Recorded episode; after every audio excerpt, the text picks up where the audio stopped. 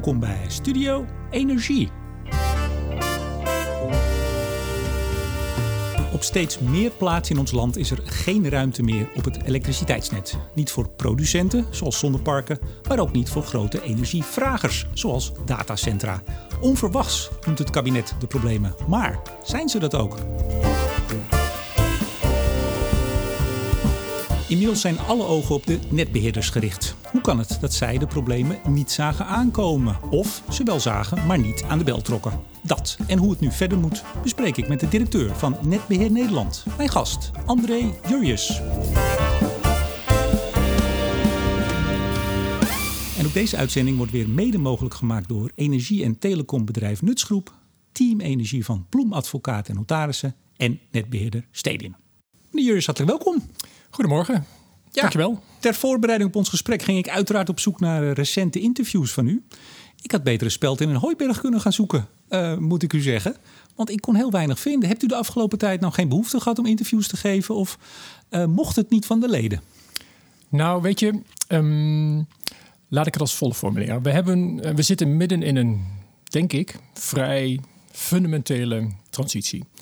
fundamenteel in de zin van dat het hele energiesysteem eigenlijk op zijn kop gaat. Dat uh, er echte, echte hele ja, basale veranderingen uh, aan de gang zijn. En om daar een beetje ja, nou, kijk op te krijgen, om dat te begrijpen, ja, ben je toch wel, uh, daar ben je, ben je dagelijks best wel druk mee. U had, u had, geen tijd om interviews te geven, dat is het eigenlijk. Nou, dat zou ik dus ook wel weer niet willen zeggen. Maar voordat je, voordat je echt van de toren gaat blazen, vind ik dat je toch wel een beetje moet begrijpen hoe, uh, hoe het zit. En we hebben daar natuurlijk de afgelopen jaren ook ontzettend veel met, uh, ja, met, met onze contacten, hè, met ambtenaren van EZK over gesproken, met onze collega-organisaties. Er is wel veel gebeurd, maar een beetje op de achtergrond. Zal ik maar zeggen. Gaan we het uitgebreid over hebben? Dat snap ik. U hoorde net in de aankondiging dat een van de sponsors van deze podcast is Stedin. Zeker. Nou is de baas van Stedin, de CEO uh, Mark van der Linden, die is ook uw voorzitter. Dat klopt. Uh, nou, de luisteraars weten dat er nooit geen enkele invloed is door de sponsors op de inhoud van dit programma. Mm -hmm. uh, dus ik, ja, ze weten niet eens dat we dit gesprek hebben. Maar toen dacht ik, gaat er dan toch stiekem even een telefoontje achter mijn rug dat u even overlegt met Stedin? Of gaat dat niet zo?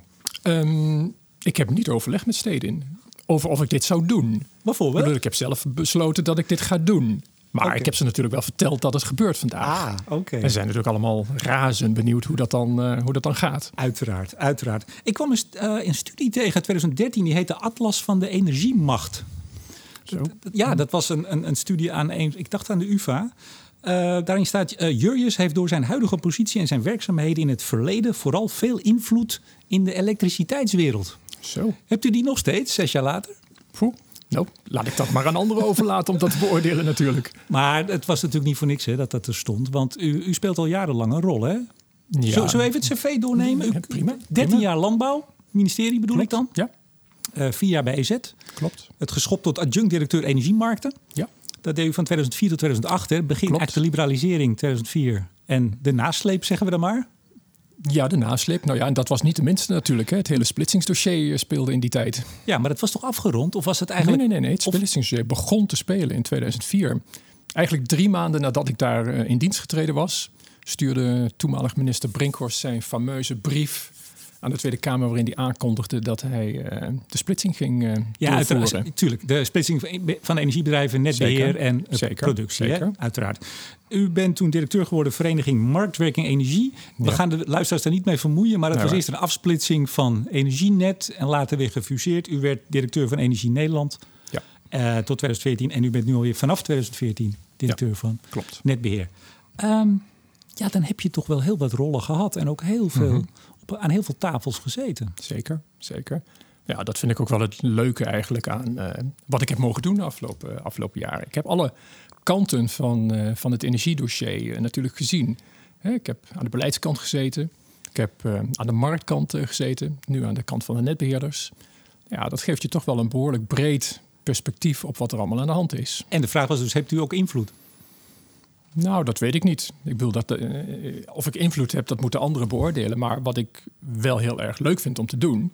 Hè, is praten met mensen over... Goh, zien we wat er aan de hand is? Zien we hoe de ontwikkelingen in de energievoorziening zich, eh, hè, zich eh, voort, eh, voort, voort strijden, hè? Voort, worstelen Ja. soms wel. Hè? En, Ja. en, en eh, kunnen we dat begrijpen? En, en kunnen we dan ook een klein beetje een beeld krijgen van wat er de komende jaren allemaal nog staat te gebeuren? Nou, dat, dat, Wij, dat wij- vind ik leuk. Wij gaan in ieder geval, of u gaat eigenlijk aan de luisteraars in ieder geval schetsen hoe we nou eh, op het huidige punt eh, met het, het, ja, toch de problemen op het elektriciteitsnet zijn gekomen. Want Ja. u weet van de hoed en de rand. Nog één, één klein dingetje. U hebt economische antropologie gestudeerd. Is het gek dat ik die studie niet kende? Ehm, is dat gek? Dat weet ik niet. Ja, ik denk dat het heel gek is, eh, meneer Boer. Heel gek. Maar even, wat, Maar- wat is dat? Wat, wat, wat bestudeer je dan? Nou ja, kijk, eh, dan, kijk, iedereen kent wel, heeft wel een beeld bij wat cultureel antropologen doen. Hè? Ja. Dat zijn die mensen die in Afrika naar... Economie komen de mensen ook nog wel een end meestal, maar die combinatie? Nee, maar goed, maar die combinatie is dus zeg maar dat je eh, kijkt naar hoe economische processen in gemeenschappen, in samenlevingen zich ordenen, zich voltrekken, wat daarin speelt, hoe mensen daar eh, in, in ja, hun weg vinden. Het is eigenlijk, het is geen, geen hard economische theoretische benadering van eh, de economie, maar de menselijke benadering van de economie. Ik kan me dus voorstellen dat u de afgelopen jaren met die hele energietransitie en... Genoten heb ik. Ik wou net zeggen. Ik ben aan het genieten, absoluut. Dat, dat dacht ik Absoluut. al. Zo ziet u Ja. er ook uit. We gaan even naar het, eh, de huidige situatie. Laten Mhm. we daar beginnen. Dan kijken we even terug en dan gaan we daarna kijken. Ik zei het al in de intro. hoe komen we nu verder? Mhm. Eh, minister Wiebes die stuurde een brief eh, eind juni Mhm. voor de zomer. Ja, problemen. Eh, Ik geloof 230 projecten die Nexus niet kan aansluiten in het noorden van het land. Ehm, nou ja, hij ziet problemen aankomen in, nou ja, u kent de lijst, hè, Overijssel, Brabant, Limburg, Friesland, Flevoland. Waar niet, zou ik Mhm. bijna zeggen. Mhm. Ehm, dat was drie maanden geleden. Hoe, waar staan we nu? Is het erger geworden? Is het beter? Nou, ik denk dat de situatie iets beter te hanteren is geworden. Kijk, de minister heeft natuurlijk aangekondigd dat, eh, dat de netbeheerders ehm, zeg maar gevraagd worden om bij, eh, bij het verlenen van SDE Plus subsidie aan te geven of er in het gebied waar, hè, waar, waar een project Kijk zich even of het past. Hè, wil ontwikkelen, hè, om te kijken of het past. Hè, en ehm, ik denk dat dat een hele verstandige en, en, en goede stap van, eh, Nee, van maar de, de de, minister is geweest. capaciteitsgebrek is nog, dat is nog niet opgelost. Nee, Sterker nog, want is zeker niet dat schreef de minister ook, het wordt de komende jaren nog erger.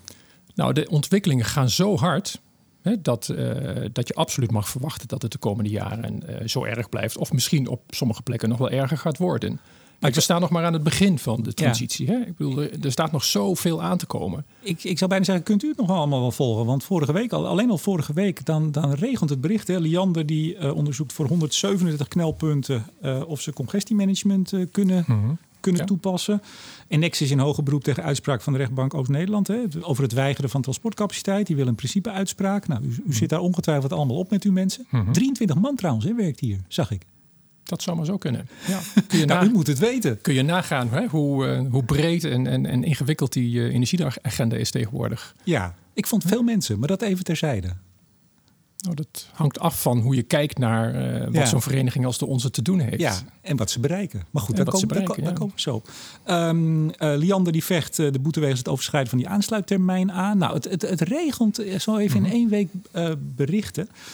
Ehm, nou wordt er, en dat zei ik natuurlijk ook al in de intro, eh, ja, met argusogen naar de netbeheerders gekeken. Mhm. Begrijpt, begrijpt u dat? En, maar natuurlijk begrijp ik dat. Kijk, de minister die, eh, die heeft dat eh, tijdens het laatste Kamerdebat ook heel mooi, mooi gezegd. Hè? Ik bedoel, de netbeheerder dat is een, dat is een monopolist. Hè? En in de economische theorie is, is, hè, is men gewoon om monopolisten altijd met enige argwaan tegemoet te treden. Nou, prima, zeg ik dan. Hè? Ja, u zegt het wel, maar ik zag Hans Slootweg, directeur asset management bij Nexus. Die zei, volgens mij was het ook vorige week, eh overigens ook ooit de gast hier bij Studio Energie. Die zei, ja, de netbeheerders hebben geen incentive om eh onterecht eh, congestie te claimen. En hij zegt, dat, dat zie ik een beetje. En dat wantrouwen, zegt hij tegen de netbeheerders, dat is hem een doorn in het oog. U, Ja, neemt, u neemt het wat lichter op, begrijp ik. Kijk, ik, ik heb natuurlijk iets meer afstand.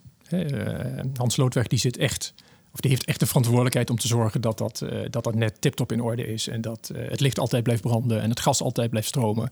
Kijk, dat is een hele andere verantwoordelijkheid. Hè. Ik mag vanuit mijn positie daar met iets meer afstand naar kijken. Hè, en ook kijken naar hoe het spel hè, dat we met elkaar hebben ontwikkeld de afgelopen twintig jaar. Hè, het spel tussen wetgever, markt, netbeheerders. Hoe zich dat ontwikkelt en, eh, Hè, wat de spelregels daarin zijn. En, en nu dus ook zeg maar kijken hoe dat ondertussen toch een beetje, beetje begint te piepen en te kraken omdat die energietransitie eigenlijk hele, hele andere dingen uh, vergt van die netbeheerder. Dat, dat piepen en kraken is, is niet voor het eerst. Hè. Er zijn wel vaker periodes geweest dat het een beetje knel, klem kwam te zitten of knel kwam te zitten. Uh, is het nu erger dan toen? Nou, ik denk wat je nu ziet is dat de energietransitie en alles wat daarin gebeurt, dat dat het energiesysteem dus fundamenteel op zijn kop zet. Dit, zijn echt uh, veranderingen die aan, zeg maar aan de kern van het systeem raken bedoel, ik vind dat ook altijd wel leuk om te vertellen. Hè? Want ik, ik loop nu al 15 jaar in dit, uh, in dit wereldje mee. Ik heb natuurlijk aan, aan de bron gestaan van, van, van de laatste wetgeving, hè, die, nou ja, die de sector eigenlijk klaar moest maken voor nou ja, een, een, vergaande liberalisering van, van de hele energievoorziening. ik denk dat dat ook heel goed gegaan is. Maar dat was, een, dat was het systeem van de vorige eeuw dat we eigenlijk codificeerden en liberaliseerden. En die energietransitie, ja, die gaat daar gewoon dwars doorheen. waar je vroeger eigenlijk een systeem ontworp op, uh, op een aantal centrales die je ergens had. En daar werd dan de stroom geproduceerd. Ja, zie je nu dat, dat op, op, op duizenden plekken stroom geproduceerd wordt. mensen leggen zonnepanelen op hun dak, zetten windmolens aan de rand van het dorp. Uh, die hele decentralisering, die zorgt voor een, een, een fundamentele heroriëntatie op ja, het maar meneer Julius, dat wisten we toch, dat dat eraan zou te komen. En zeker in 2013. Ja, maar het, het, lijkt wel, want eh, de minister zegt, het kabinet zegt, nou, dat is echt onverwachts. We, nou, eh, kijk, ineens, bent u het daarmee eens? Um, ik denk dat, dat je het... Uh, kijk, het onverwachte is het volgende. Kijk, we snappen al heel lang dat uh, dat, dat systeem zeg maar anders moet gaan functioneren. Um, maar precies wanneer dat zou gaan gebeuren, of wanneer die, die, die exponentiële groei zou gaan plaatsvinden. En waar dat dan ook precies in het systeem zou gaan gebeuren. En dan ook nog eens de vraag van, zijn dan de geldende spelregels voldoende robuust om dat soort ontwikkelingen in goede banen te leiden? Ja, dat zijn zulke complexe vragen. Dat zijn zulke uh, ingewikkelde uh, dingen om met elkaar te snappen. Dat je voor een deel, vind ik, best wel kunt spreken van een vrij onverwachte ontwikkeling. Laat, laten we even naar 2013 teruggaan. U was toen directeur van Energie Nederland. Ja, dat Dus eigenlijk de, de producentenkant. Mm -hmm. uh, nou, u, u, hebt ook onderhandeld, neem ik aan, aan, ja, het, zeker, aan het, akkoord. Zeker. Dat werd gesloten. Daar werden afspraken gemaakt. We stonden mm -hmm. toen op 4,7 procent mm -hmm. hernieuwbare energie, zeg ik er even bij. 4,7. Ja. Dat moest naar 14 in 2020. Dat is volgend jaar. Verdrievoudiging. Er werd afgesproken 6000 megawatt wind op land. Mm -hmm. Daar werd ook aangehangen dat dat 54 petajoule zou zijn. Ja. Uh, zon, dat stond niet in het akkoord, nee. maar daar stond wel in de NEF die kwam in 2014. Dat moest ongeveer 16 petajoule mm -hmm. zijn in 2020. Daar zitten we nog lang niet. Nee, en het, en het systeem, nee. en het systeem kraakt en piept nu al. Hoe kan ja, dat? Kijk, even terug naar 2013. Ja, ik herinner me nog dat we toen aan, aan de onderhandelingstafels uh, zeiden van jongens, als, als we echt die stap naar 20% willen gaan maken, dan hebben we uh, drie 14%. Sorry, 14%. Ja. 20% uh, stroom volgens mij. Um, dan hebben we drie trekpaarden. Biomassa, wind op land en wind op zee. Die moeten het gaan doen. in, eh, in mijn beleving draait dat hele akkoord dus ook over biomassa, wind op land en wind op zee. Daar ging ook alle aandacht naar uit, daar ging alle uh, effort in. daar ging ook de subsidie naartoe wat ik nu zie, hè, is dat we eigenlijk in uh, 2016 een vrij radicale herziening hebben, hebben gehad. Hè, toen is gezegd van, joh, biomassa, dat doen we niet meer. De politiek heeft dat hè, min of meer uh, besloten. Dus dat viel eruit. Uh, 2016 was ook het jaar. Bedoelt u nu waarin... biomassa bijstook of bedoelt u biomassa? Biomassa bijstook. Oké. Okay. Maar dat is maar een deeltje hè, van de totaal? Nou, een deeltje. Dat ging wel om 25 terawattuur volgens mij. En, uh, 25 petajoule. Of petajoule zeg, zeg maar. Hè. En, en, en uh, de, de stand van zaken was toen eigenlijk... Hè, dat van de duurzame energie die we produceerden... De, de biomassa bijna 64% leverde. Flink, ja. Flink, dat is dus behoorlijk flink. Hè. Maar goed, ik bedoel, dat, dat, dat zijn even de cijfertjes. Hè. Ja. Maar, maar eigenlijk zeg u, als ik goed ontbreken mag. Ja, mag, sorry. Nou, u zegt eigenlijk zon, daar hebben we eigenlijk helemaal niet op gelet. Zon, zon was toen eigenlijk nog helemaal geen trekpaard. Maar is nu wel degene die de problemen veroorzaakt. Pas in 2016 gingen de, de, de, he, ging dus de budgetten gingen, nou, van, wat heb ik gezien, van ongeveer 3,5 miljard per jaar naar 9 miljard uh, per jaar. Of nou, en, en de latere jaren nog, uh, nog hoger. Uh, biomassa viel eruit. Wind op land, dat weten we natuurlijk ook allemaal, zat best in politiek zwaar water, zwaar, eh, zwaar weer. Dus dat ging ook niet zo snel. Dus waar gaat al dat geld dan ineens naartoe? Ja, dat gaat ineens naar zon.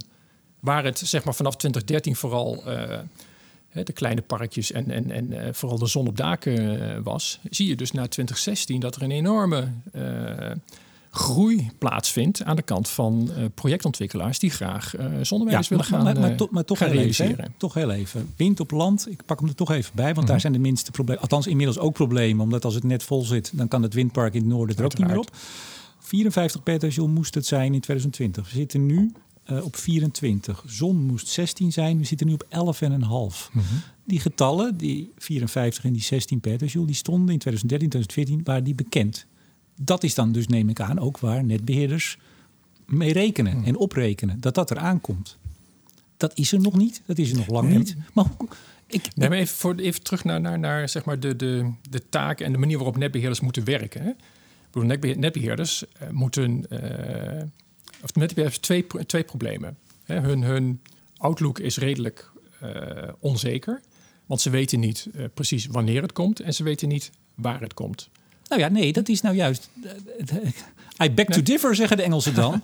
juist in 2013 werd er een vrij strak uh, uh, zes, zeven jaren plan gelanceerd. over waarin de hoeveelheden bekend waren. De plek van zon inderdaad niet, hè, dat, die geef ik u. Mhm. Maar er was toch heel veel wel bekend. En als nou, als nou blijkt dat, dat zegt mm. netbeheer altijd, hè, dat zegt de minister nu ook. Ja, voor een, een beetje onderstationnetje ben je zo vijf tot acht jaar kwijt. Mhm. Als ik dan terugkijk en ik heb gisteravond nog eens even al die stukken zitten lezen, dan denk ik ja dit, kon dus zo, dit ging sowieso spaak lopen. Dat wisten we in 2013 en waarschijnlijk daarvoor ook al. Nou, kijk, dat is natuurlijk achteraf is, wordt alles duidelijk. Hè? Ik bedoel, dat, dat, dat vind ik ook wel een beetje het makkelijke aan. Uh, Dan draai ik hem even om. 2013, dit mhm. pakket lag er. U ging in 2014 naar Netbeheer Nederland mhm. over. Dus u hebt onderhandeld als, als, voor de producent. U ging daarna naar, naar het netbeheer. Hoe werd er toen aangekeken tegen die opgave uit het energieakkoord? jongens, dat gaan we prima redden. We hebben onze outlook en we plannen en we gaan wat kabels leggen? Of was daar meteen al van oei? Wat ik aantrof was duidelijk een gevoel van ongemak. Ongemak in de zin van, um, ja, dit, dit kan best wel eens een probleem worden. Ik ben oud-ambtenaar. Als die zegt ongemak, dan zeg ik waarschijnlijk in mijn woorden... daar zagen we al, dit gaat echt fout. Nou, dat, dat, is, dat vind ik een te groot woord. Ja? Ik bedoel, want kijk, het, de outlook in 2013 was natuurlijk, uh, we gaan uh, 6000, 6000 megawatt wind op land uh, aansluiten. We gaan 6000 megawatt wind op zee aansluiten. Hè, er zijn toen ook, ook voor, zeker voor wind op zee, hè, zijn er toen hele goede afspraken gemaakt hoe we dat gingen doen. En ik denk dat wind op zee een mooi succesverhaal is uit dat uh, energieakkoord. Tot, uit in, tot in den treuren wordt het natuurlijk door iedereen bezongen, dat succesverhaal. Maar we zitten hier nu even, maar we, precies, even het probleem. Nee, maar ik wil me even zeggen, er gaan natuurlijk ook dingen goed. Zeker. Hè? Maar um, kijk, wind op land werd al heel snel. Uh, wind op land is een ander, ander uh, dossier dan zon op land. Ja, want, want da, daar zijn de procedures langer. Daar kun je langer plannen van tevoren. En dat gaat ook redelijk goed. Daar zit dus meer voorspelbaarheid in. Daar zit meer zekerheid in. En hè, daar kun je je investeringen ook duidelijk en beter op, uh, richten. Kijk, bij zon is de grote vraag altijd van waar komen die parken dan precies terecht? Er is in Nederland geen ruimtelijk, ruimtelijk ordeningsbeleid hè, dat aangeeft van jongens, dat zijn de vlekken waarin we hè, met dit soort projecten uh, aan de slag gaan. Ja, maar dan kom ik toch weer even naar 2013. Want ik ben het helemaal met u eens. Achteraf kun je altijd makkelijk zeggen dat had je moeten, moeten zien. Dus ik wil echt even mhm. met u terug naar die periode. Van mhm. wat wist u met z'n allen? En dan heb ik het niet over u persoonlijk. Nee, nee, maar ieder, met wat, wist, wat wisten jullie met z'n allen allemaal? En hoe keek je daar tegenaan? Um, uh, uh, zon kwam eraan. we wisten niet waar, zegt u omdat er ook in de subsidieverstrekking geen locatie, uh, ik zou maar zeggen, beperking zat. Hè? Of zoals die check die dan nu gaat komen. Nu wel eens. Ja. Maar dan, dan voel je toch op je klompen aan, ook toen, dat dat gaat naar gebieden waar de grond goedkoop is. Want dan heb je meer rendement van je zonnepark. En dat dat waarschijnlijk toch wel in gebieden zal zijn waar niet zo hele dikke kabels liggen. Kijk, nu weten we dat. nee, meneer Jurjes, dat wist u toen ook. Nou, kijk, laat ik dan, laat ik dan nog even schetsen, zeg maar. Hè, Kijk, we moeten nu een beetje naar het DNA van de netbeheerder toe, denk ik, in deze fase van, onze, van ons gesprek, Graag. zal ik maar zeggen. Want, ehm, en dat, dat heeft ook weer te maken met uh, zeg maar de wetgeving zoals we hem nu kennen. Kijk, hoe werken netbeheerders? Kijk, netbeheerders volgen eigenlijk hè, de investeringen in, in productie. En dat is wanneer je een woon- of een, een, een productie en afname. Hè? Wanneer je een woonwijk ergens plant, prima. Dat is, dat is gewoon gesneden koek voor de netbeheerders. Als je ergens een, een, een windpark zet, dat kennen ze nu, uh, dat kennen ze nu ook wel. Dat, dat zijn ja, duidelijk planbare processen. En de, de netbeheerder komt daar dan met zijn investeringen mooi en netjes, uh, netjes achteraan. Wat je nu ziet, is eigenlijk een, een, een, een exponentiële groei in het uh, realiseren van projecten die qua realisatietijd vele malen groter zijn dan, dan de, de, de, de, de lead times waar netbeheerders mee, uh, mee te maken hebben. Dus dat is al één lastig probleem. Tijd is dan een heel groot probleem. Het gaat allemaal veel sneller dan uh, de procedures waar de netbeheerders mee te maken hebben. Dat is één. Tweede punt is natuurlijk dat de netbeheerders um, elkaar scherp houden in het efficiënt investeren. He, dat is de regulering die we hebben. Ja, dat, dat moet u ook van de wet. U mag niet Precies. zomaar lukraak een beetje kabels in nou, de grond stoppen. We mogen wel, dat mag wel. Niets verbiedt de netbeheerder om zomaar ergens uh, kabels in de grond uh, te leggen. Alleen de, de, de, de regulering is gebaseerd op onderlinge concurrentie tussen de netbeheerders.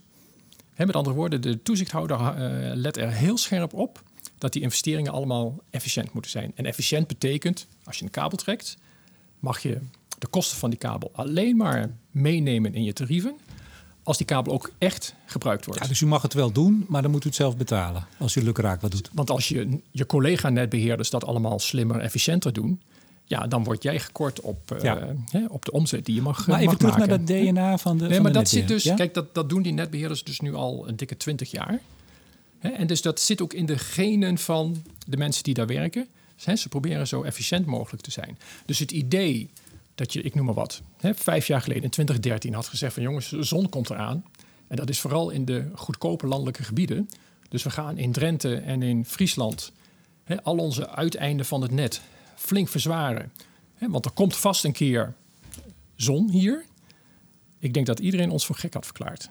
Maar dan draai ik hem toch even om. Als je in 2013 een plan lanceert als land, het energieakkoord, wat in zes, zeven jaar, nou zeven jaar, uh, naar een verdrievoudiging van hernieuwbare energie gaat. Waarbij de, de intermittent, hè, de, de, de, de zon en wind, zeker. de, de niet te niet Ja, vergeet de biomassa niet, hè? Vergeet de biomassa nee, niet. Zeker, dat, zeker, dat, zeker.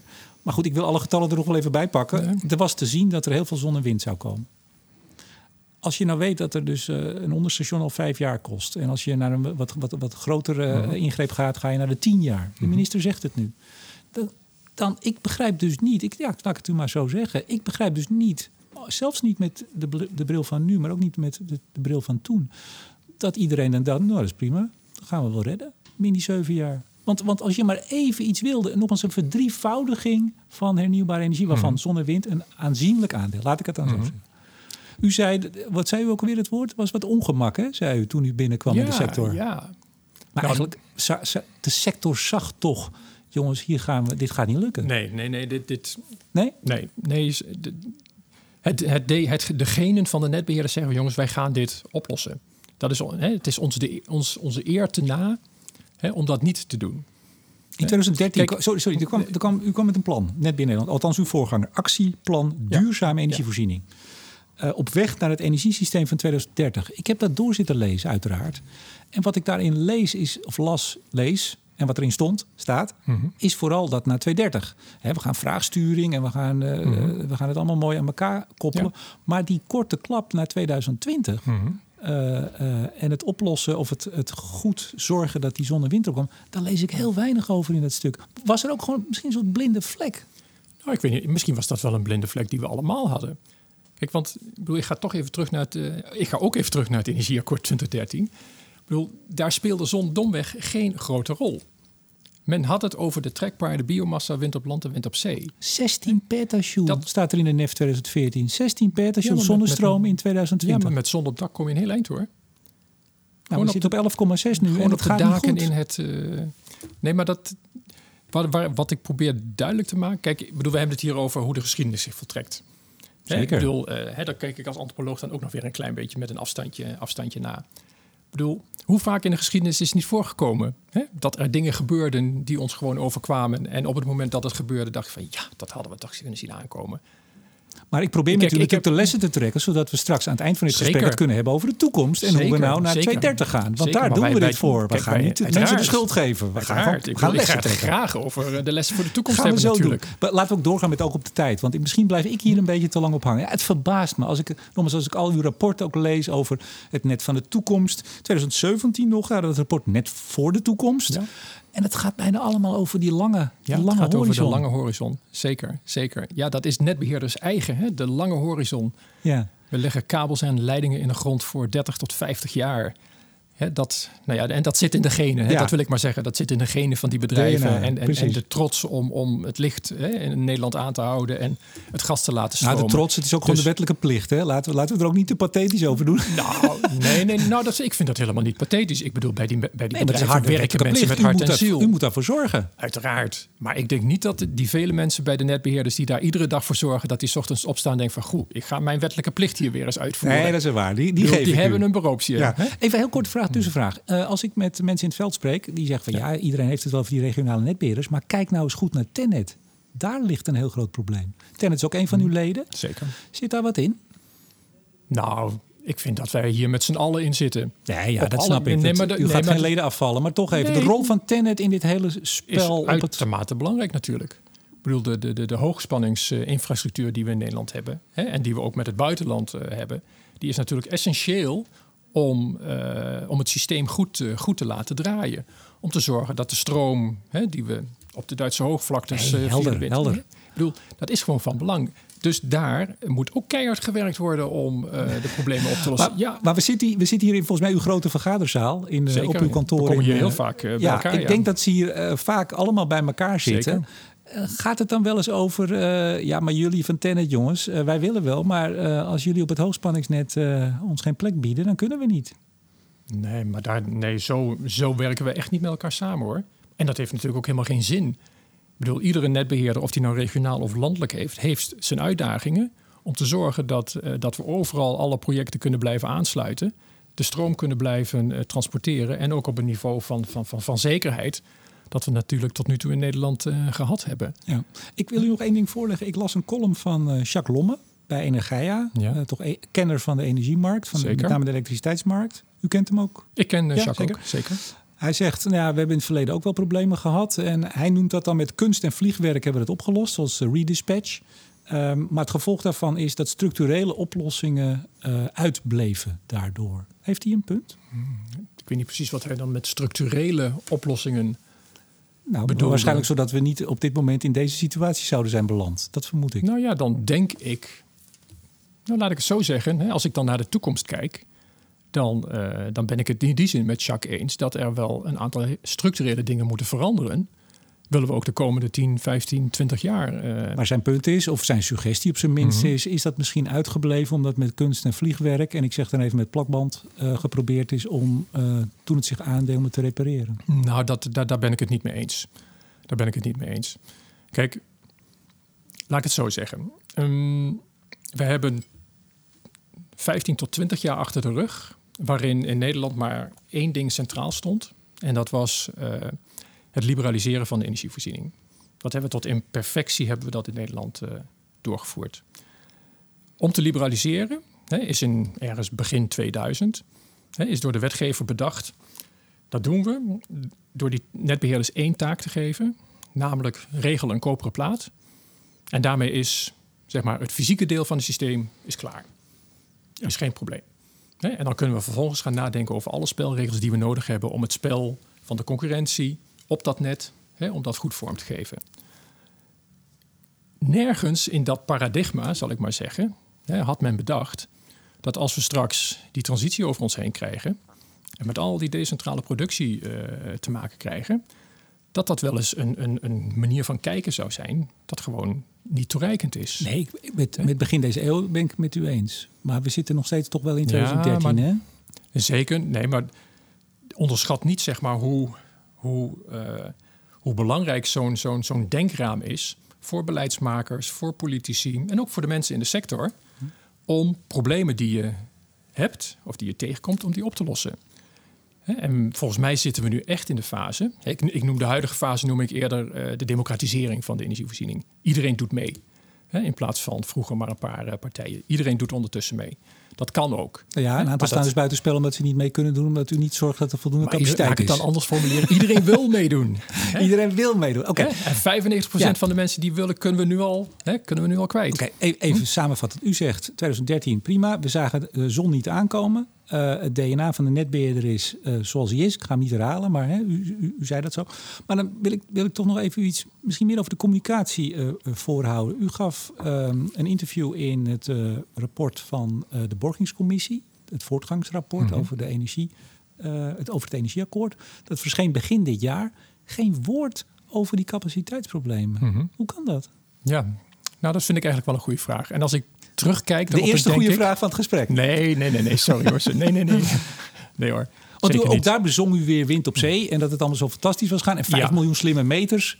Dus ik ging dat lezen. Ik dacht, nou, nu komt hij. Nee, niks. Ja, nee, Geen niks. woord. Nee, nee. Kijk, en als ik terugkijk, denk ik van... Hmm, dat hadden we misschien toch wel moeten doen. Maar had u de, had u de volledige uh, sturing op dat interview? Want het gebeurt ook vaak bij dat soort interviews... dat het een beetje wordt gestuurd door degene waar hij geplaatst wordt. Nou, de vraag stellen is een beantwoorden, geloof ik, hè? ja, dus. Ja, dus. Maar, maar, maar toch even, want daar kijkt u dan ook naar. In al die voortgangsrapporten, dus de commissie van Nijpels... Mm -hmm. zeg ik maar even voor de luisteraar... Ja. Uh, nou ja, die begint in 2014 geloof ik met zijn werk. En in al die rapporten, uh, het net heeft een eigen, is domein 5. Mm -hmm. hè, in, dat, in, dat, in dat hele ja monitoren van de voortgang en het zorgen dat de doelen gehaald worden. In al die voortgangsrapportages geen woord nee. over nee. die problemen. Ik nee. word dan een beetje wantrouwig. Snapt u dat? Mm, nou, hangt er een beetje vanaf. Hangt er een beetje vanaf. Snap ik dat? Ja, als buitenstaander snap ik dat. Maar ik, bedoel, ik ben ook een beetje een insider natuurlijk. Hè? En ik Daarom weet, zit ik hier, zeker. Ik weet hoe dit soort uh, rapporten natuurlijk uh, tot stand komen en wat de bedoeling daarvan is. Kijk, Hè, klimaatverandering bestrijden met z'n allen, de energietransitie organiseren met z'n allen. Het is een ongelooflijk ingewikkeld, complex proces. Gaat tientallen jaren duren. Ja, nee, maar laten Hè? we die nou... Nee, dat, dat, nee, dat, ja, ja, nee, maar wat, wat, dat, dat creëert bij heel veel mensen een gevoel van... jongens, uh, we moeten wel de successen met elkaar vieren. Want het is al moeilijk genoeg. Hè, dus ook zo'n zo'n rapportage van een borgingscommissie... Hè, is bedoeld om te laten zien wat we allemaal al wel niet voor stappen gezet ja, maar het is toch, tot stand het komen. Is toch, dat snap ik, maar het is toch niet de feestcommissie? Het is de borgingscommissie. Hij heeft een Zeker. opdracht van het kabinet om te zorgen dat de doelen gehaald worden. Zeker, nou, maar, dat, daar, maar daar kan ik precies op doorpakken. Want, hè, want dat betekent dat je dus ook heel strikt kijkt naar de doelstellingen van het energieakkoord in 2013. En dan gaat het weer, ik herhaal mezelf natuurlijk, maar dan gaat het weer over biomassa, wind op land en wind op zee. Hè? En die 16 petajoule uh, zon. Wat vooral op de daken van de gebouwde omgeving In gerealiseerd ging 2016, worden. toen wilde de NAM geloof ik als tegemoetkoming aan mensen met schade... willen ze zonnepanelen gaan uitreiken. Mhm. En toen was al meteen een bericht, oei. Ja, Dan ging het weer, oei. Dat gaat niet passen. dat gaat niet altijd 2016. Mhm. Ja, ik ga u natuurlijk niet vragen om hier een heel hard oordeel over meneer Nijpels te vellen. Zeker Dat, niet. laat ik dat dan maar doen. Het is toch onbestaanbaar dat een borgingscommissie, die dan, nou misschien vanaf 2013 eh, de zon nog niet zag aankomen, maar in 15, in 16 en 17 en 18 toch wel, dat hij er dan geen woord aan wijdt. Nou, laat ik hem dan anders doorpakken. Als je kijkt naar de onderhandelingen over het klimaatakkoord, die sinds, sinds begin 2018 eh, gevoerd zijn, daar staat energieinfrastructuur, nou, ik zal niet zeggen met stip op één, maar daar hebben we aan de elektriciteitstafel natuurlijk uit ten treuren met elkaar gesproken over het feit dat we ook op die infrastructuur moeten letten. Dat dat toch eigenlijk hè, de, de, de, de backbone Maar, maar aan het worden nog, is dat, van de transitie. dat zegt de borgingscommissie ook in al zijn rapportage. Het heel belangrijk is dat net, want zonder het net Ja. gaat het niet lukken. Ja. En dan zijn er problemen. Maar goed, maar toch even iets anders. U hebt op uw website als energie, eh, Netbeheer Nederland, eh, ik zei Energie Nederland. Kijk, ik was Hmm. helemaal in de fout. Netbeheer Nederland. U hebt 15 dossiers staan. Met alle onderwerpen. Energiediefstal, klimaatakkoord. eh, wat hebt u nog meer? Spanningskwaliteit. Maar, maar geen dossier over Hmm. capaciteitsprobleempjes. Nee, nou, Dus ja, u hebt er ook hebben- niet een apart. U hebt er 15, maar Oh hier hebt u dan geen dossier Oh over. jee, oh jee. nee, maar dus je ziet op allerlei terreinen dat iedereen zegt Nou, dat dit- net is kijk- heel belangrijk, maar blijkbaar niet belangrijk genoeg om nou, kijk, aandacht achter de, te schermen, achter de schermen gebeurt natuurlijk heel veel. Ik bedoel, die brief die de minister hè, eind juni naar de Kamer stuurde, is natuurlijk het, het, het resultaat van, van misschien wel een jaar, anderhalf jaar, heel intensief met elkaar praten over, jongens, wat is er nou aan de hand? Hè, waarom, hè, waarom komt dat net eh, in de problemen? Wat kunnen we daaraan doen? Hè, Dus het idee dus dat de buitenwereld, hè, dat we niet al heel lang in, in de media en eh, op websites eh, op de trom roeren. Ja, dat, dat achteraf gezien denk van god, dat hadden we echt veel, veel eerder kunnen doen. Moeten doen, misschien ook wel. Hè? Maar ja, kom ik weer om. Zo zijn we niet echt hè, als netbeheerders. Ik bedoel, wij doen ons werk. Bedoel, we zijn, we zijn overheidsbedrijven natuurlijk, hè, publieke bedrijven. Ik bedoel, wij doen, wij doen ons werk in, ik zou bijna zeggen, in alle bescheidenheid. En als er problemen zijn, dan praten we daarop over met degene die ons kunnen helpen. En dat zijn de ambtenaren van, van EZK. Ja, want ik, ik en vechten we dat nou in de media uit? Nee, dat doen we eigenlijk niet. Maar, maar goed. Want ik weet dat inderdaad achter de schermen is er, is er voldoende gezegd en gezwegen. Mm -hmm. Maar vooral gezegd. Vooral gezegd. Precies. Want het feit ook dat u nu dit interview geeft, nogmaals een van mm -hmm. uw nou, zeldzame interviews. Betekent dat dat u inderdaad nu ziet dat achter de schermen alleen onvoldoende is om het punt over te krijgen? Um, nou, wat we in ieder geval wel met elkaar duidelijk hebben vastgesteld, is dat, dat, dat de netbeheerders uh, echt moeten, moeten, uh, moeten waarschuwen voor knelpunten als we die zien aankomen.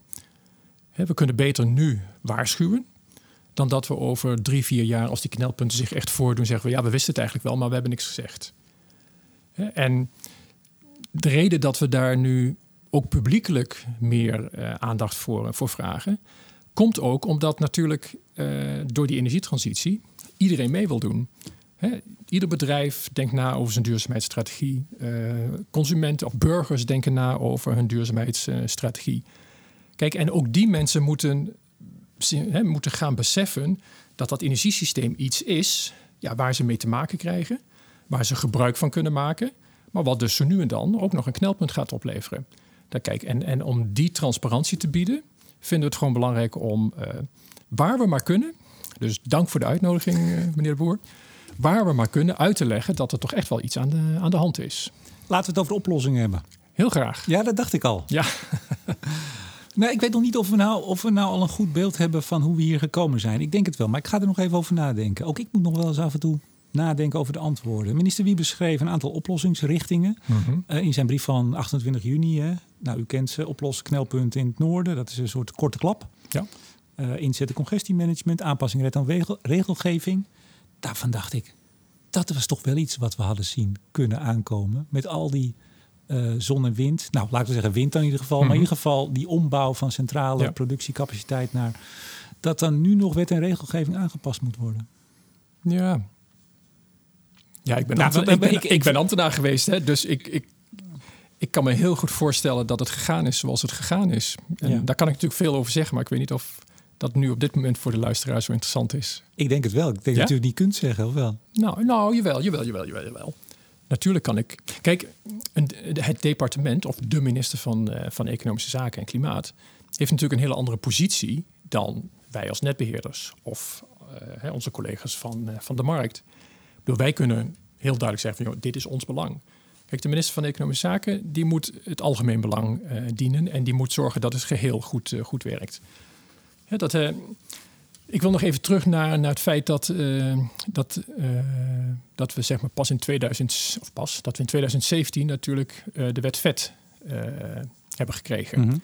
En de wet vet zie ik hè, als het sluitstuk van misschien wel 10 jaar, 15 jaar energiewetgeving, mm-hmm. die erop gericht was hè, om de geliberaliseerde markt heel goed te laten werken. Kijk, en dat was voor, hè, voor EZK eigenlijk al een heel kunststukje. Dat hebben ze eigenlijk, uh, nou ja, laat ik zo zeggen, ik weet hoe dat werkt, hè, dat hebben ze gewoon goed, uh, goed gedaan. Maar dat punt, dat hadden ze als wetgever ook wel nodig om vervolgens de aandacht te kunnen gaan richten op ja, en wat moet er dan nu gebeuren om die transitie tot 2050 echt goed te laten verlopen? Ik, ik ga, dus dus nou, één, één punt wil ik echt nog even maken. Ik bedoel, allemaal ben... uw tijd daarvoor, van de oplossingen. Maar nou goed. ja, maar goed, ik wil ook nog wel eens even iets... ik zal het snel doen. Kijk, ik ben heel uh, tevreden eigenlijk over hè, hoe onze samenwerking met, uh, met EZK de afgelopen twee jaar... Hè, na de totstandkoming van de wet VET hè, zich heeft, uh, heeft ontwikkeld. Ik bedoel, er is echt openheid om na te denken over wat is er nou aan de hand met dat energienet. En er is erg veel inzet op hoe kunnen we dat dan via onze wet en regelgeving beter laten verlopen. Kijk, in die brief van, uh, van eind juni nou, is daar in feite al een, uh, een mooi voorbeeld van. Ja. Door naar de oplossingen. Precies. verder worden met de- oplossingen, Daar worden de eerste aanzetten gegeven. Dat, zijn, dat zijn ook de oplossingen voor, eh, voor de korte klap. Ja, dat zijn de pleisters eigenlijk. Hè? Ja, Verbandjes precies. aanleggen. Ja, ik bedoel, je, moet, je moet ook wat verbandjes aanleggen als, eh, als je een probleem hebt. Maar voor de langere termijn eh, moeten we echt nog wel wat meer, eh, wat meer stappen zetten. En ja, dat, en een eh, van die oplossingen volgens mij die u ziet is eh, dat er eh, betaald moet gaan worden door producenten. Zeg ik het zo goed? Ja, degenen die stroom op het net zetten, zullen net zo goed moeten gaan meebetalen aan, aan het in stand houden van het net als degene die het ervan afhalen. U heeft het zelfs over een onrechtvaardigheid in het systeem, zag ik, las ik op uw website. Nou ja, dat, kijk, dat denk ik eigenlijk wel. Kijk, ehm, Ja, het staat er, dus ik neem aan dat u dat, nee, dat, nee, u dat nee. vindt. Nou, kijk, je, moet natuurlijk, je kunt altijd je mening herzien hè, wanneer de feiten daarop wijzen. Hoor. Ik Ja, bedoel, het was twee weken geleden, dat zal wel heel snel Ja, zijn. daarom, Goed. precies, precies. Nee, kijk, wat, wat, wat is er aan de hand? Hè, we komen uit een systeem waarbij, eh, eh, waarbij de, de, de, de, de, grote, de grote backbone is... je Centrale produceert productie. centraal, Ja. centrale productie en gedecentraliseerde Betaalden afname. die ook nooit voor, eh, eh, Nee. alleen voor aansluiting, maar dat zijn wel flinke bedragen. Ja, natuurlijk, ze moeten wel de aansluiting die ze hebben op het systeem betalen. Maar vervolgens betalen ze geen transportkosten.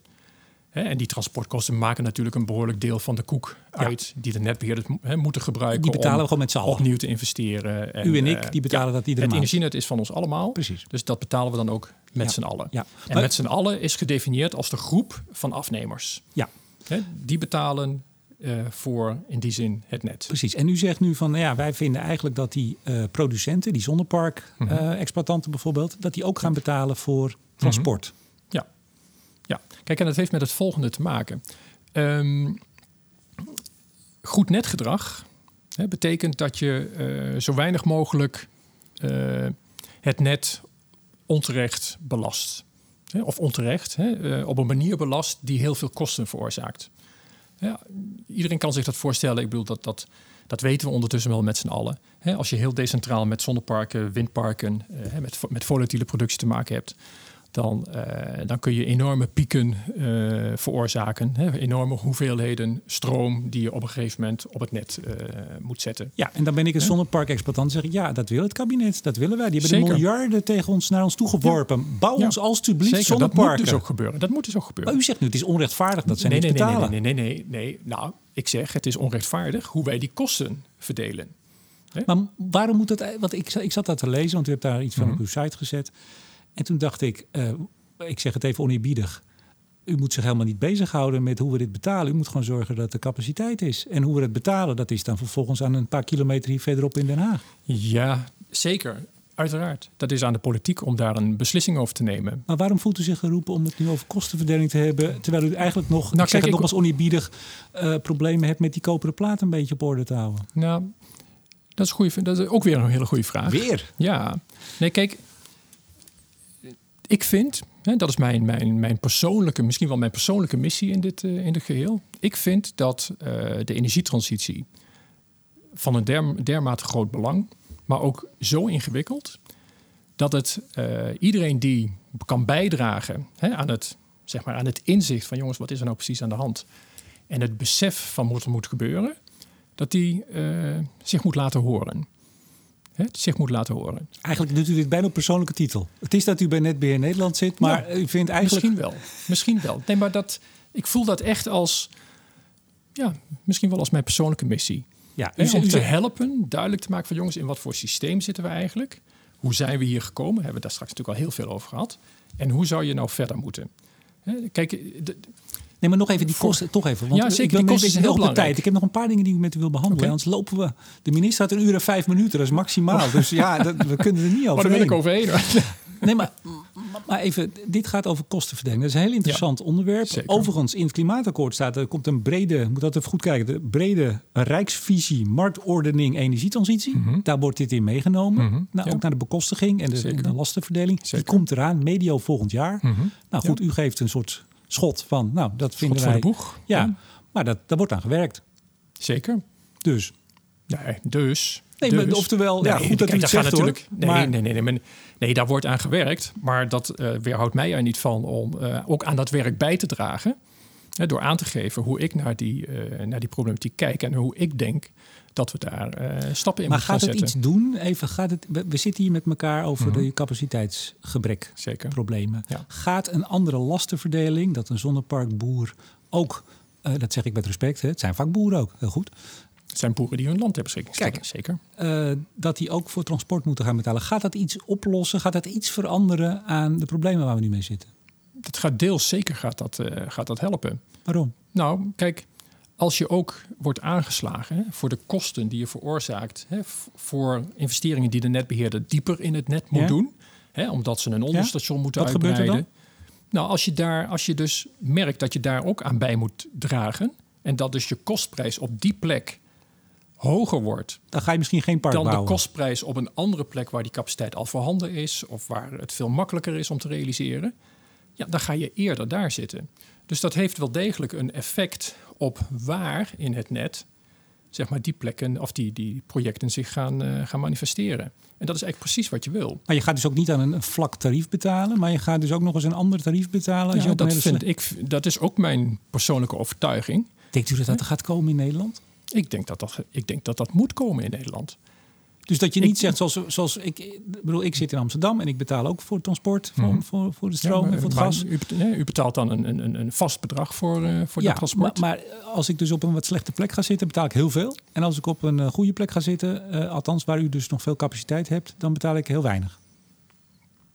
Ehm, Als, als, als zonnepark ja, dat is heel snel zo door. Als zonnepark-exploitant wellicht wel, ja. ja. Niet als, niet als consument, zeg maar. Maar er zijn toch, ik bedoel, we krijgen nu die, die sturing door de minister die zegt, nou ga nou eerst even langs de netbeheerder met je plan. Eh, Mhm. Die gaat even kijken, kan het of kan het niet. Is dat Mhm. niet voldoende? Nou, dat is een eerste stap. Dat is een eerste stap. Dat gaat, al, dat gaat deels al helpen. Maar om, om straks zeg maar, dat hele decentrale systeem goed te laten werken... En te voorkomen dat we een, een, een koperen plaat moeten gaan neerleggen... die zes keer zo dik is als, die, als die nu is. Hè, en, en, en, dan, en dat alleen maar voor die enkele pieken in het jaar die we moeten accommoderen... en de rest van het jaar eh, maar voor 20 of 25 procent gebruikt wordt... Ik bedoel, dat is een hele grote kostenpost voor, eh, voor de Nederlanders. En we willen toch, nou ja, laat ik het zo zeggen, wij willen met onze analyses en met onze denkbeelden laten zien dat dat wellicht toch ook gewoon op een andere manier kan. Ja. Kijk, en dan moet de politiek natuurlijk beslissen wat ze verstandig vindt. Want ik, ik hoor ook wel eens zonneparkexploitanten die zeggen, knijp ons maar af eh, op de piek. Die paar, paar uur Ja, per jaar, zeker. geen probleem. Zeker. Ja. ja, maar dat, dat zijn ook hele goede, goede afspraken die je met... Gaan we dat eh, doen inmiddels al? Ja, volgens mij wordt dat gewoon ook concreet gedaan. Ja, krijgt ze een centje voor? Onder de huidige omstandigheden krijg je daar een centje Of misschien wel niet. Als zij, als zij daardoor dat park kunnen bouwen en eh, het gros van de tijd. Ja, dat hangt een beetje van de concrete afspraken af die ze met elkaar maken. Ehm Alliander, eh, die kwam met, we willen met waterstof gaan experimenteren. Althans, we willen dan als het te veel is en het kan het net niet op, dan gaan we het omzetten in waterstof. Mhm. U kent dat toch? Dat plan? Eh, Althans, die suggestie. Die, die, die suggestie kennen we zeker. Ik bedoel, het is niet alleen Alliander die daar Nou, eh, mee ik- ik- experimenteert. die- bij half- Stedin, Rendo. Bij de halfjaarcijfers. GasUnie. eh, nou, Alliander die zoekt altijd wat hardere publiciteit, geloof ik. Hè? Of het lukt ze beter, dat kan ook. Maar goed. Is dat niet een heel raar plan voor een netbeheerder? Nee, dat vind ik niet. Nee, want kijk, dat, dat komt ook weer heel nadrukkelijk voort uit dat denken over hoe kunnen wij ervoor zorgen dat we in Nederland een, een, een, maatschappelijk betaalbare eh, energie, eh, energienet hebben. En kijk, het, het omzetten van pieken in waterstof betekent iets over de, de, de dikte van de kabels die je eh, verderop in het net moet hebben. Maar als we het over centjes hebben, het PBL komt met een notitie over waterstof en de kosten. Investeringskosten 1900 euro per kilowatt. Ja, het is nog veel te duur natuurlijk. Bij 20 megawatt praat je over eh, 40 miljoen, 38, Zeker. 40 miljoen. Zeker, helemaal eens. Helemaal eens. Veel te duur Hoe weet om het nu te doen. Maar, Ja, maar hoe dat is geen reden om er niet mee te experimenteren Nee, natuurlijk. Maar goed, eh, als je een beetje een electrolyzer neerzet. eh, dit, we praten hier niet over peanuts. We praten hier over echt eh, Zeker. vele miljoenen. En wat, wat ik me nou afvroeg. Hoe weet... Kijk, eh, experimenteren, oké, eens. Maar eh, misschien is een accu wel veel goedkoper. Of misschien is inderdaad het gewoon afknijpen op die paar uur per jaar dat het te veel is. Eh, Ja. en, en is Ja, dit wel, laat ik dat, dat is eigenlijk vooral toen ik dat ook las van Alliander en de anderen dan ongetwijfeld. Mhm. Waar bemoeien ze zich mee? Dit is toch helemaal geen taak voor netbeheerder? En zij moeten toch ook helemaal geen rol krijgen in. Zij moeten gewoon zorgen dat het getransporteerd kan worden. En ze kunnen vervolgens aan de exploitanten zeggen: Nou, los het maar op. Hè. Die kunnen zelf een accu neerzetten Mhm. of een waterstof. Dan moet, moet de netbeheer zich toch totaal niet mee bezighouden. Maar natuurlijk wel. Natuurlijk wel. Omdat, omdat het zeg maar, direct effect heeft op het soort energieinfrastructuur dat je moet gaan bouwen. Dat is de link. Daarom zeg maar, denken de netbeheerders over al dit soort innovaties na. Wat kan het betekenen hè, voor een eh, maatschappelijk optimaal beheer hè, en, en, en investeren in ons energienet? Maar nadenken is goed. Maar zij moeten toch niet zelf daarmee aan de slag willen? Want dat willen ze ook meestal. Nou, Netbeheer wil altijd met van alles bezig zijn. Ze hebben ooit laad... Ja, u lacht al. Ja. Laad, laadpalen, energieadvies, eh, isolatieadviesbureautjes. Mhm. Ehm, ik hoor heel vaak in het veld... Dat, dat, dat is een doorn in het oog van heel veel partijen. Dat ze altijd maar bezig zijn met allerlei nevenactiviteiten... wat helemaal niets met hun core business te maken heeft. Het heeft alles dus met hun core business te maken. Het heeft alles te maken met die, die, die, eh, die taak die ze hebben om op een maatschappelijk optimale manier energieinfrastructuur te realiseren. Isolatieadvies, vindt u wel iets voor de Maar natuurlijk, natuurlijk. Ik bedoel, hoe eerder mensen hè, in, in de gebouwde omgeving, in hun huis, zich realiseren dat ze moeten isoleren, hoe sneller de warmtevraag van dat huis naar beneden kan. Maar dat moeten En ze toch niet zelf die- allemaal willen doen met allemaal BV'tjes die er dan weer onder gaan Nee, hangen? maar dat doen ze ook niet. Ja, ze doen het. Nou, als de ACM's op de vingers tikt, dan, dan gaan ze het afstoten. Maar ze willen liefst heel veel, heel veel. Nou, het grappige is dat de ACM ze eigenlijk helemaal niet op de vingers getikt heeft op dit punt. Maar goed, dat is een hele technische discussie. En dat is ook weer van een paar jaar En de geleden. laadpalen van al die anderen, nee, moesten ze die niet verkopen? Nee, dat moesten ze niet. Nee? Oh. Dat was wel het grappige. Op de dag dat de wet vet werd aangenomen, waarin stond dat netbedrijven ook in laadinfrastructuur mochten investeren, verkocht Alliander Allego. Dat is heel grappig. Hmm. Voor, heel- voor, een volgend gesprek. Ja. Precies, precies. Wat- Nee, maar het heeft dus alles te maken met hun kerntaak om energieinfrastructuur op een maatschappelijk optimale manier te beheren. En dat de ACM zei En- van Alliander, dat was mij drie jaar geleden, dat ze geen zicht hadden op hoe die geldstromen achter de deur gingen. ja, Onvoldoende zicht. Nou goed, Nou, is ook weer een gewoon kijken. Ja, Ja, ja, kijken. denk, kijk, dan denk ik ook van jongens, we zitten in een ongelooflijk ingewikkelde transitie. Die netbeheerders die, die, die, die voelen als eerste dat het gaat knellen op hun infrastructuur. Zijn dus ook echt geprikkeld om die innovaties eh, te doordenken en ook van de grond te krijgen. Daarom nemen ze die initiatieven natuurlijk Ja. ook. Helemaal niet om straks dat allemaal zelf te gaan doen. Bedoel, heel veel van die activiteiten zijn ook gewoon weer afgestoten en, En zijn nu levensvatbare bedrijven in de markt. En voortaan gaan ze ook wat meer voor de bühne zeggen dat ze zich zorgen maken. Dat is eigenlijk wat u zegt. Absoluut. Dat gaat u voor ze doen.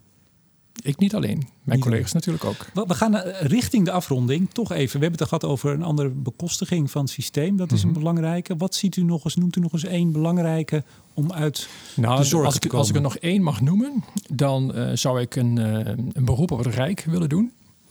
Om toch heel. Ja, om, om met ons mee te denken over eh ruimtelijk ordeningbeleid. Dus om in Nederland opnieuw hè, een soort vlekkenkaart te creëren van plekken waarin we de komende 10, 15, 20 jaar duurzame energieprojecten gerealiseerd willen zien. Kijk, want als we dat hebben, dan kunnen de netbeheerders dus ook met veel meer vertrouwen anticiperend gaan investeren. Dan kunnen we voor de troepen uitgaan. eh gaan Maar denkt u dat het ook voor zon kan? Dan kan het ook voor zon. Zonne, je kunt toch ook voor zonneweiders in het landelijk gebied afspreken dat het vooral op bepaalde plekken eh, gaat gebeuren. Daar is nu geen sturing op. Het kan overal gebeuren. En dat zou ons natuurlijk enorm helpen. Is ook weer een vrij fundamentele koerswijziging van de overheid. Want het hele dat- ordeningsbeleid is, is net helemaal gedecentraliseerd naar provincies en gemeenten. Hè, Maar ja, de energietransitie vergt wel dat we daar toch ook weer anders over gaan denken. En ik Maar- vind dat we daar dus ook onze ogen niet voor moeten sluiten. Maar dan zeggen we dus hè, de rest waar u het dan over heeft, de resten, de regionale energiestrategieën, waar Mhm. al die regio's nu gaan kijken wat ze, wat ze neer kunnen zetten, wat ze Mhm. neer willen zetten en waar ze dat neer willen zetten. Dat kan dan in de prullenbak. Nee, nee, nee, nee. Dat is een mooie uitwerking daar dan van. Nee, dan, ja, maar dan, dan, dan zeg je dus de overheid die maakt een mooie landkaart en die zegt nou daar kunnen we wat zon, daar kunnen we wat wind en daar kunnen we wat anders. En dan mag u dat, beste regio, mag u dat, maar dan, dan laat je het principe van de rest los. Nee, nee, nee, nee. Laten we daarop voortbouwen. Ik vind, ik vind het interessant dat, je dit, eh, dat u dit zegt. Want eh, dat, dat brengt mij op het punt van dat we hier ook een gezamenlijke actie van gemeenten, provincies en Rijk van kunnen maken. Dat we dus gezamenlijk op basis van het werk dat de gemeenten en de provincies nu in die resten doen, tot die vlekkenkaart komen. En daar dan ook hè, een goede besluitvorming over organiseren, want dat is dan natuurlijk de kern, dat dat dan ook vaststaat voor de komende 10, 20 jaar. Moeten we niet gewoon zeggen dat hele idee van iedereen praat mee en iedereen beslist mee en uh, uh, lang zal ze leven, weg ermee. Dit vereist centrale sturing. Zoals we het met wind hm. doen, zoals met wind op zee mm -hmm. doen, eigenlijk waar we dit gesprek mee begonnen, ja, ja, moet het ja. ook voor zon en alle andere zaken. En de illusie dat iedereen in de kleinste gemeenteraad en in de kleinste gehuchten, zou ik bijna zeggen, Mhm. mee kan praten over hoe dit land eruit komt te zien, dat we dat eigenlijk gewoon moeten verlaten. Nee, absoluut niet. Ik had het net over uh, de democratisering van de energievoorziening. Dat is een fundamentele maatschappelijke trend. Die is niet meer te keren. Burgers, bedrijven, uh, ze bemoeien zich ermee. Uh, ze willen er wat mee. Ik denk dat het voor het draagvlak van de energietransitie domweg essentieel is. Hoe ingewikkeld het ook is, dat we dat proces met die resten en zeg maar het inschakelen, of het inschakelen, het betrekken van, uh, van burgers en bedrijven in die, in die resten en in de gemeenten en in de wijken, dat we dat gewoon doorzetten. Maar als dat betekent dat daardoor bepaalde doelen niet worden gehaald, bijvoorbeeld de productie van uh, zon en wind, mm -hmm. uh, bijvoorbeeld de reductie van onze CO2-uitstoot, mm -hmm. wat de komende elf jaar natuurlijk mm -hmm. centraal staat, als dat dat tot gevolg heeft, zegt u dan, nou, dat accepteren we dan? Dat draagvlak vind ik belangrijker dan het halen van de doelen? Kijk, ik ben ervan overtuigd dat het creëren van draagvlak op een gegeven moment gaat helpen in de snelheid van de transitie. Ja, maar ik leg als... u even nu een dilemma voor. Jazeker, zeker. Want, en kijk, en dan zou ik, als ik dan politicus was, zou ik het accepteren dat je binnen een, een, een, een bandbreedte van, van, van 10, 20 procent uh, zeg maar die doelen niet haalt. Kijk, ik heb ook altijd gezegd, hè, iedereen schreeuwde moord en brand dat we de doelen uit 2013 niet gingen halen. Precies op 1 januari 2020.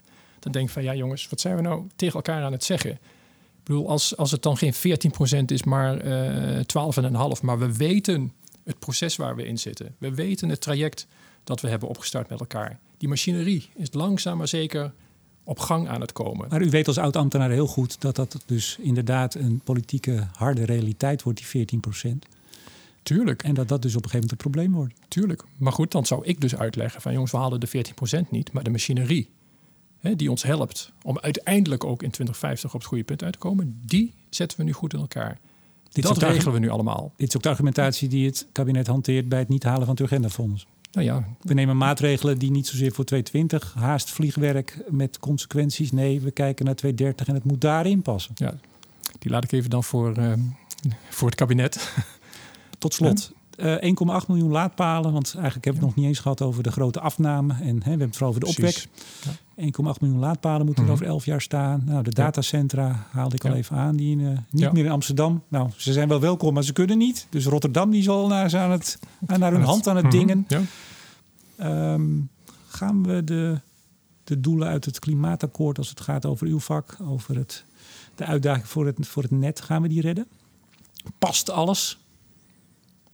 Nou, ik denk dat als we, als we met elkaar niet een aantal hele structurele hè, veranderingen in de spelregels afspreken, dat we, dat we de komende jaren echt nog hele grote problemen gaan zien. Ik denk dat, hè, daar kruipen we nu ook niet meer voor weg. Hè. Ik bedoel, 1,8 miljoen laadpalen in Nederland erbij.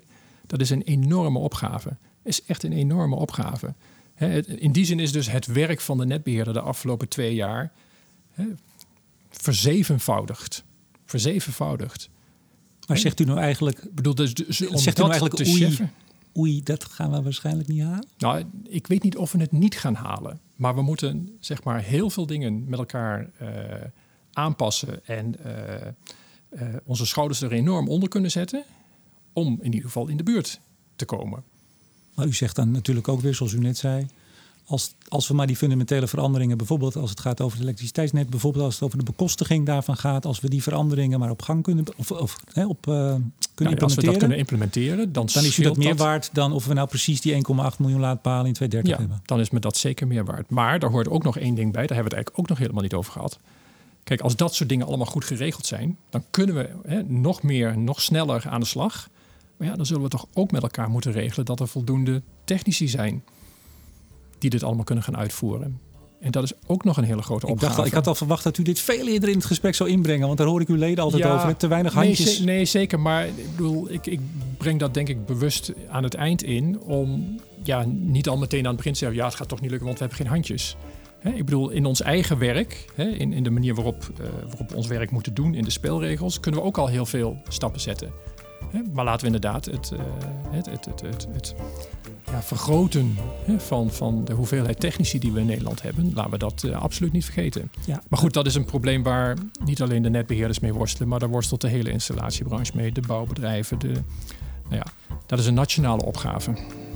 Nou nee, het is vooral een opgave in dit geval voor u, voor uw leden, om te zorgen dat er of mensen uit het buitenland komen of uh, dat, dat campagnes onder jongeren organiseren. denken we over mee, dragen we aan bij, zeker. André Jurjes, directeur. In, zeg ik weer, wil ik weer Energie Nederland zeggen. Hoe kan dat oh, toch? Dat is, hoe kan dat toch? Hoe kan dat toch? André Jurjes, directeur Netbeheer Nederland. Hartelijk dank voor dit gesprek. Graag gedaan. Vond het een leuk gesprek. Uh, insgelijks. Ik bedank ook deze week weer energie- en telecombedrijf Nutsgroep, Team Energie van Ploem Advocaten en Notarissen en netbeheerder Stedin voor het mede mogelijk maken van deze uitzending. En uiteraard bedank ik jou, beste luisteraar, voor het luisteren. Mijn naam is Remco de Boer. Graag tot volgende week.